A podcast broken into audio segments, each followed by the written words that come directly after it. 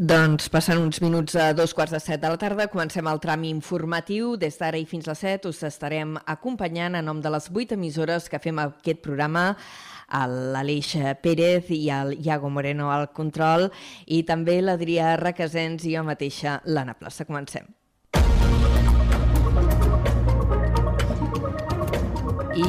Comencem amb una notícia d'última hora. L'Audiència Nacional ha denegat l'expulsió d'Espanya de Said Ben Iassa, que demanava la comissària general d'Estrangeria i Fronteres amb l'argument que la condemna de 8 anys de presó pels atemptats del 2017 a Barcelona i a Cambrils encara no és ferma.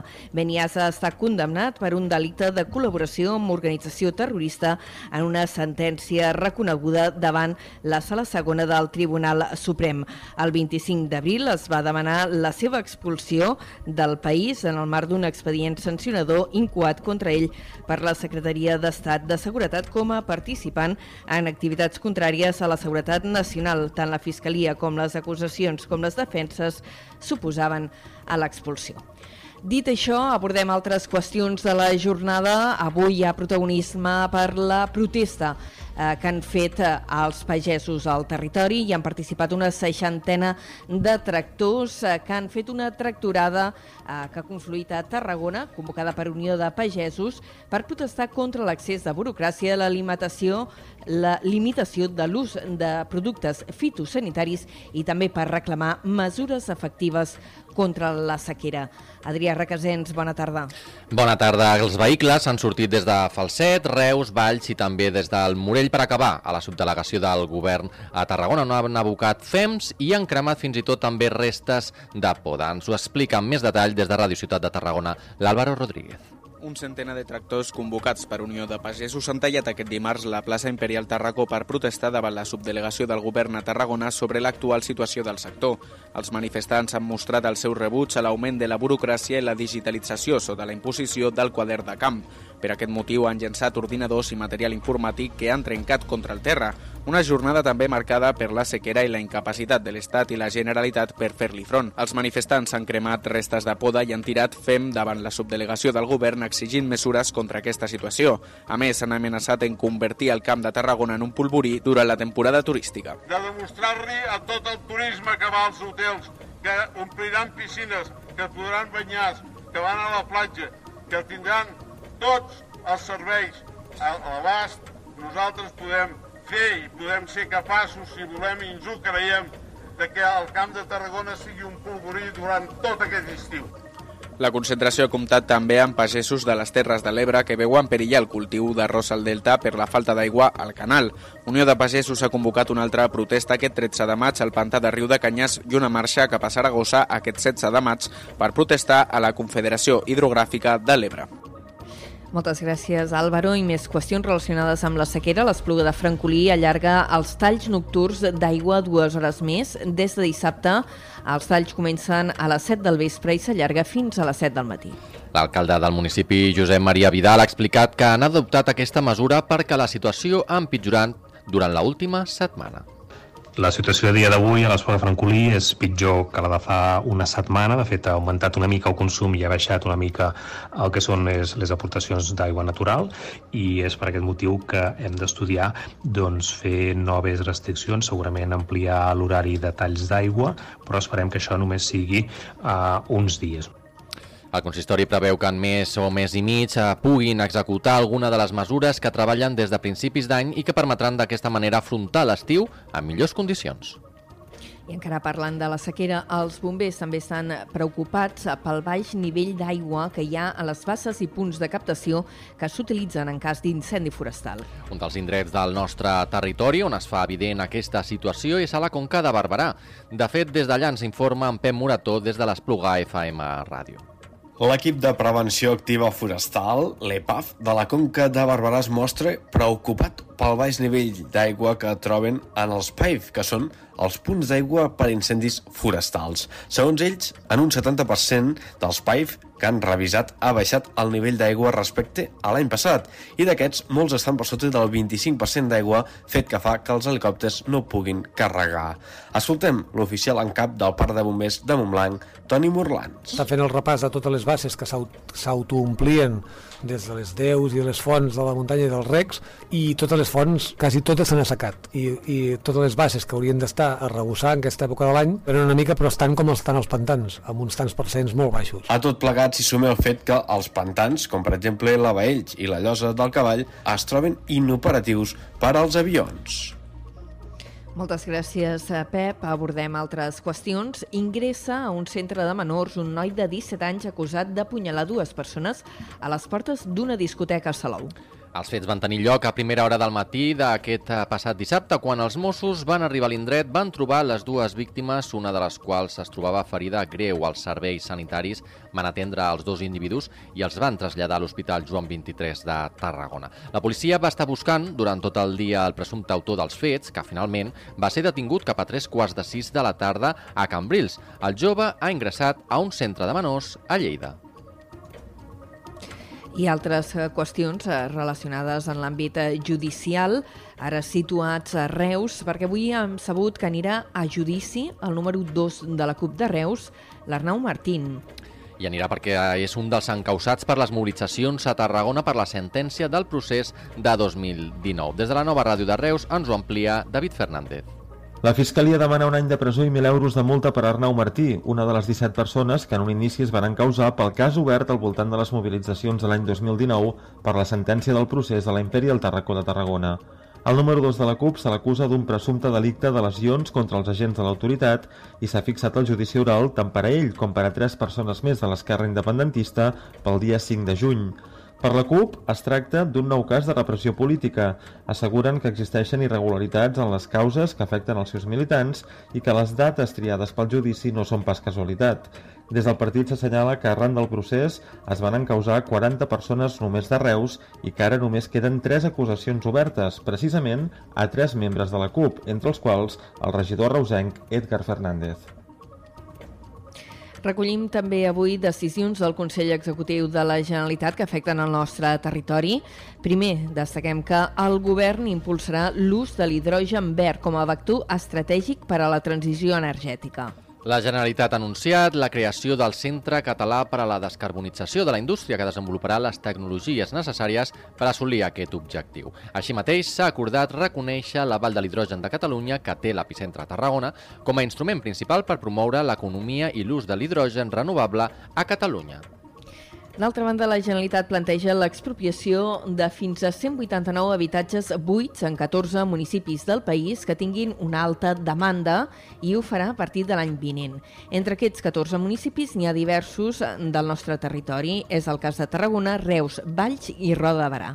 El govern requerirà als propietaris que acrediten que el seu pis no està buit i si no ho poden fer s'iniciarà un procés de negociació perquè els destinin a lloguer social i en última instància s'optarà per l'expropiació forçosa. El conseller de Territori, Juli Fernández, ha destacat que la mesura ja està prevista en la llei de l'habitatge. Que ens permet eh, poder eh, utilitzar una eina que és l'eina de l'expropiació de la titularitat eh, en cas de que hi hagin habitatges de grans tenidors que estiguin inscrits en el registre d'habitatges buits i que faci més de dos anys que estan eh, desocupats.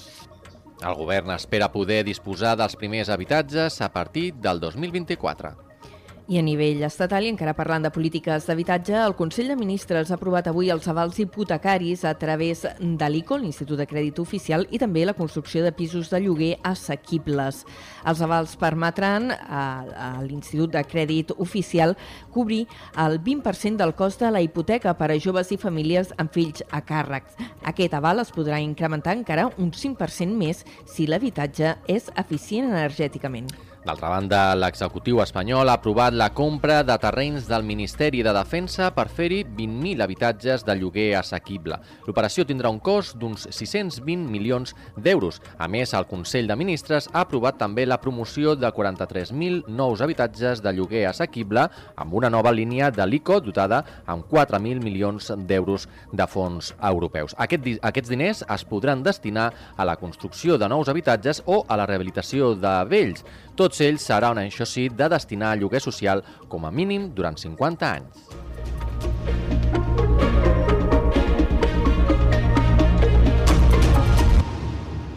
Falta un minut per tres eh, quarts de set. Eh, parlem ara de recerca d'investigadors del grup eh, de l'Institut Català d'Investigació Química de Tarragona, l'ICIC, que han desenvolupat un recurs que aplica la intel·ligència artificial per treballar en descarbonització química. L'eina l'ha desenvolupat juntament amb investigadors de la Universitat de Toronto. Des de Ràdio Ciutat de Tarragona ens ho amplia l'Àlvaro Rodríguez. Sota el nom GameNet, aquesta eina pot accelerar l'estudi de catalitzadors heterogenis claus en la producció química sostenible. La intel·ligència artificial permet aprendre la teoria directament de les dades, estalviant molts recursos empleats abans en la simulació i l'experimentació física. Santiago Morandi, segon signant de l'estudi, remarca la quantitat de temps i materials que es poden estalviar amb models com aquest. El hecho es que para estudiar estos materiales, que son muy importantes para producir gran parte de los productos que nos circundan en la sociedad.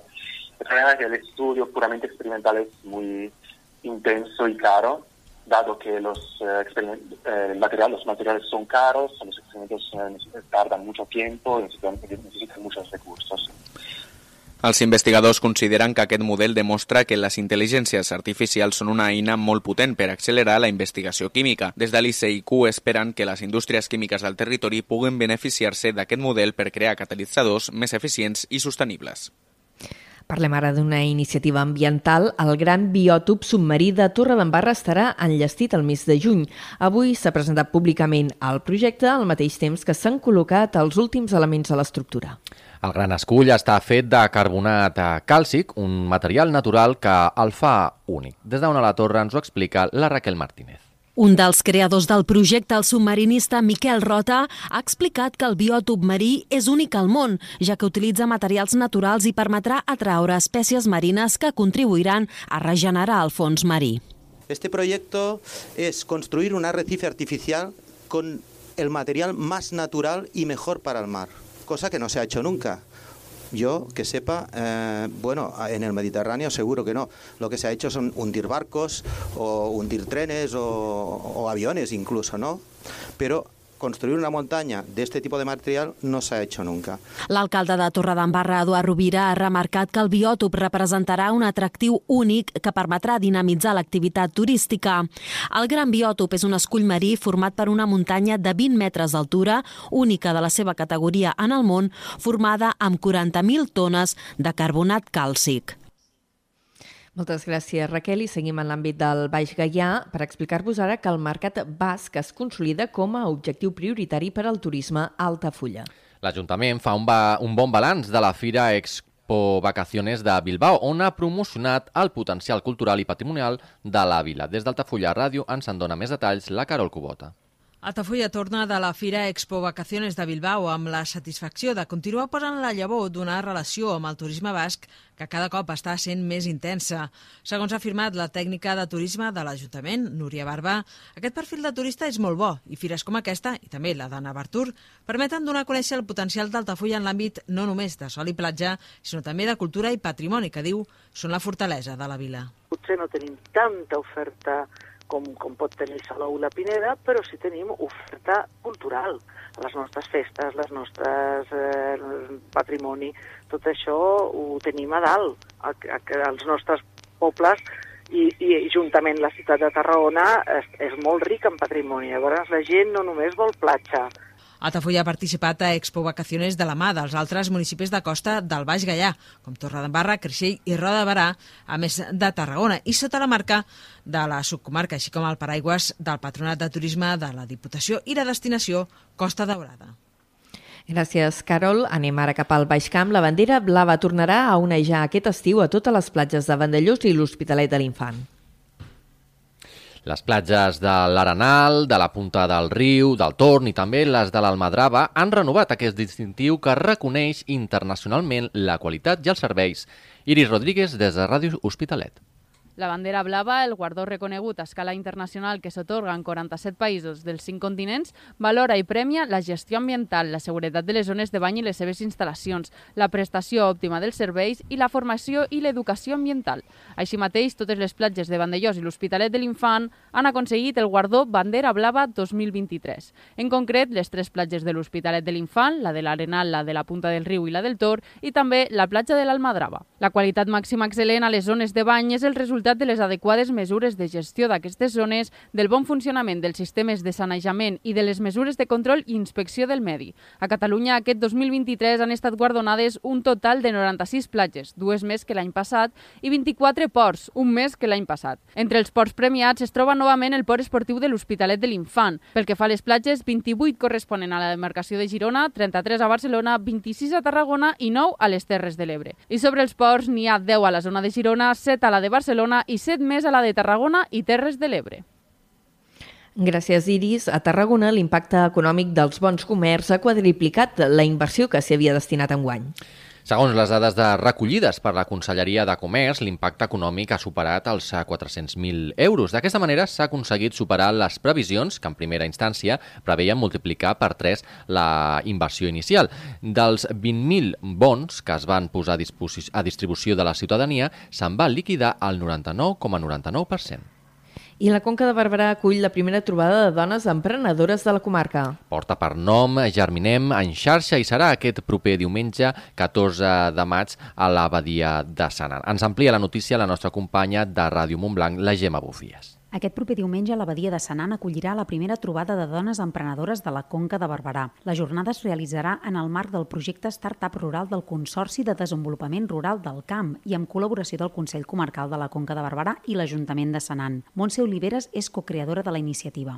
Sorgeix des d'una de des de necessitat pròpia de veure que al territori eh, falta doncs, més connexió entre dones emprenedores. Hi ha una primera part que farem un moment de conèixer, sorgiran unes preguntes i podrem treure doncs, també el seu feedback del que elles també esperen d'aquesta d'aquest moviment. No? A una part hi ha una, un taller de una mirada sistèmica sobre uh, l'emprenedoria i la conciliació que ens l'ofereix la Cèlia Clotes d'Aixada Sistèmica. Bueno, I després hi ha una cluenda. La jornada té l'objectiu de posar en comú projectes liderats per dones que tinguin ganes de sumar, compartir i crear emprenedoria en femení. S'espera que sigui la primera de moltes més trobades.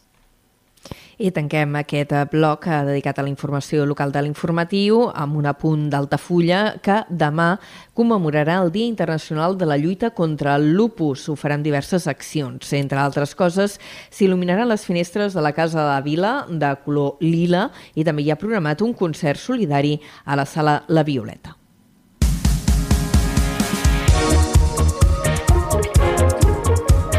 I 52 minuts, gairebé, ens centrem en actualitat esportiva. Comencem a Reus, que acollirà l'espècie Olympics Meeting l'any vinent. Aquest dimarts l'Ajuntament ha formalitzat la signatura de la carta d'intencions per a l'organització de l'esdeveniment. Des de la nova ràdio de Reus ens ho amplia David Fernández. 600 esportistes de 17 comunitats autònomes i 7 països europeus competiran a meitats del mes d'octubre de l'any vinent en l'Special Olympics Meeting Reus 2024. La cita acollirà competicions de tres esports, de futbol 7, de bàsquet i de natació, i a més hi haurà una demostració de florbol. Durant els dies previs, la torxa dels Jocs també recorrerà la ciutat i s'organitzaran cerimònies d'obertura i de cluenda amb desfilades dels esportistes i l'encesa i apagada del paveter. A banda del programa purament esportiu, l'esdeveniment inclourà una programació cultural i d'oci pensada per a les famílies. Serà, per tant, la tercera vegada que la capital del Baix Camp aculli aquesta trobada després que el 2016 s'organitzessin els Jocs Estatals als Special Olímpics. Aquest dimarts, l'Ajuntament de Reus ha formalitzat la signatura per a l'organització dels Jocs amb el moviment Special Olímpics. Gràcies, David. I Tarragona es convertirà en epicentre del CrossFit del 9 a l'11 de juny. El Palau d'Esports Catalunya, situat a l'anella mediterrània, a Camp Clar, acollirà el Tarragona Throwdown, una competició que vol ser de referència en aquesta disciplina esportiva. Hi participaran un miler d'atletes i es preveu l'assistència de milers d'aficionats per seguir en directe la competició. El campionat està impulsat per Aurel Niul i compta amb la complicitat de l'Ajuntament. La voluntat és promoure l'esport i el turisme esportiu a Tarragona. No hi ha fase classificatòria prèvia i per això les inscripcions es poden fer directament a través del web de l'esdeveniment. El termini està obert fins a demà 10 de maig. I encara un altre esdeveniment esportiu, l'Alberg Aster de l'Hospitalet de l'Infant acollirà el campus de futbol de Jana Fernández del 25 al 30 de juny. Els i les participants podran compartir moments amb aquesta jugadora del primer equip femení del Futbol Club Barcelona. Des de Ràdio L'Hospitalet ens ho explica la Iris Rodríguez. L'Albert Esportiu Aster de l'Hospitalet de l'Infant serà aquest estiu la seu del campus de futbol Jana Fernández, la jugadora formada des dels 11 anys al planter del Futbol Club Barcelona que actualment forma part del primer equip femení. Aquest campus, adreçat als infants i joves nascuts i nascudes entre els anys 2007 i 2014, tindrà lloc del 25 al 30 de juny a les instal·lacions del camp de futbol de l'Arenal de l'Hospitalet de l'Infant i té com a objectiu desenvolupar i perfeccionar els fonaments tècnics i tàctics del joc i promoure els valors que transmet l'esport i la jana tant dins com fora del terreny de joc. En la pàgina web campusjanafernandez.com podeu realitzar la inscripció al campus que té com a data límit per apuntar-s'hi l'11 de juny i els preus varien en funció de la data d'inscripció. Vine a compartir moments amb la Jana, entrenar a futbol, dur a terme activitats esportives vàries i conviure amb els companys i companyes.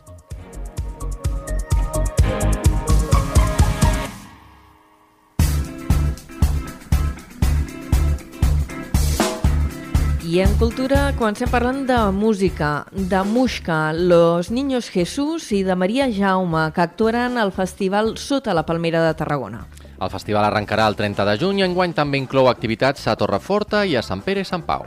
El festival comptarà amb 33 actes que s'allargaran els 25 dies que duri el cicle i que, com a novetat, es traslladarà a espais com Torreforta, Sant Pere i Sant Pau, el Passeig de les Palmeres i l'habitual Espai Jove a la Palmera. Musca, Los Niños de Jesús o el grup Lleidatà Fauna seran alguns dels protagonistes d'aquest esdeveniment.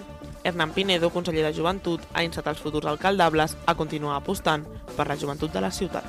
És important que tothom, és, ara que hi ha eleccions municipals, tothom tingui el compromís polític de dotar de recursos al Departament de Joventut per a que tot això que fem cada any no només sigui possible, sinó que sigui una activitat molt més fort i molt més potent cada any. Per tant, convido a tothom a comprometre-se amb aquesta inversió i a, garantir la, eh, la despesa eh, corrent en el Departament de Joventut. El festival, que comptarà amb un 60% d'artistes locals i del Camp de Tarragona, ampliarà l'horari de caps de setmana fent sessions dobles els dissabtes. A més, el festival també disposarà del cicle Bargalló, iniciat l'any 2021. I acabarem amb dos apunts breus.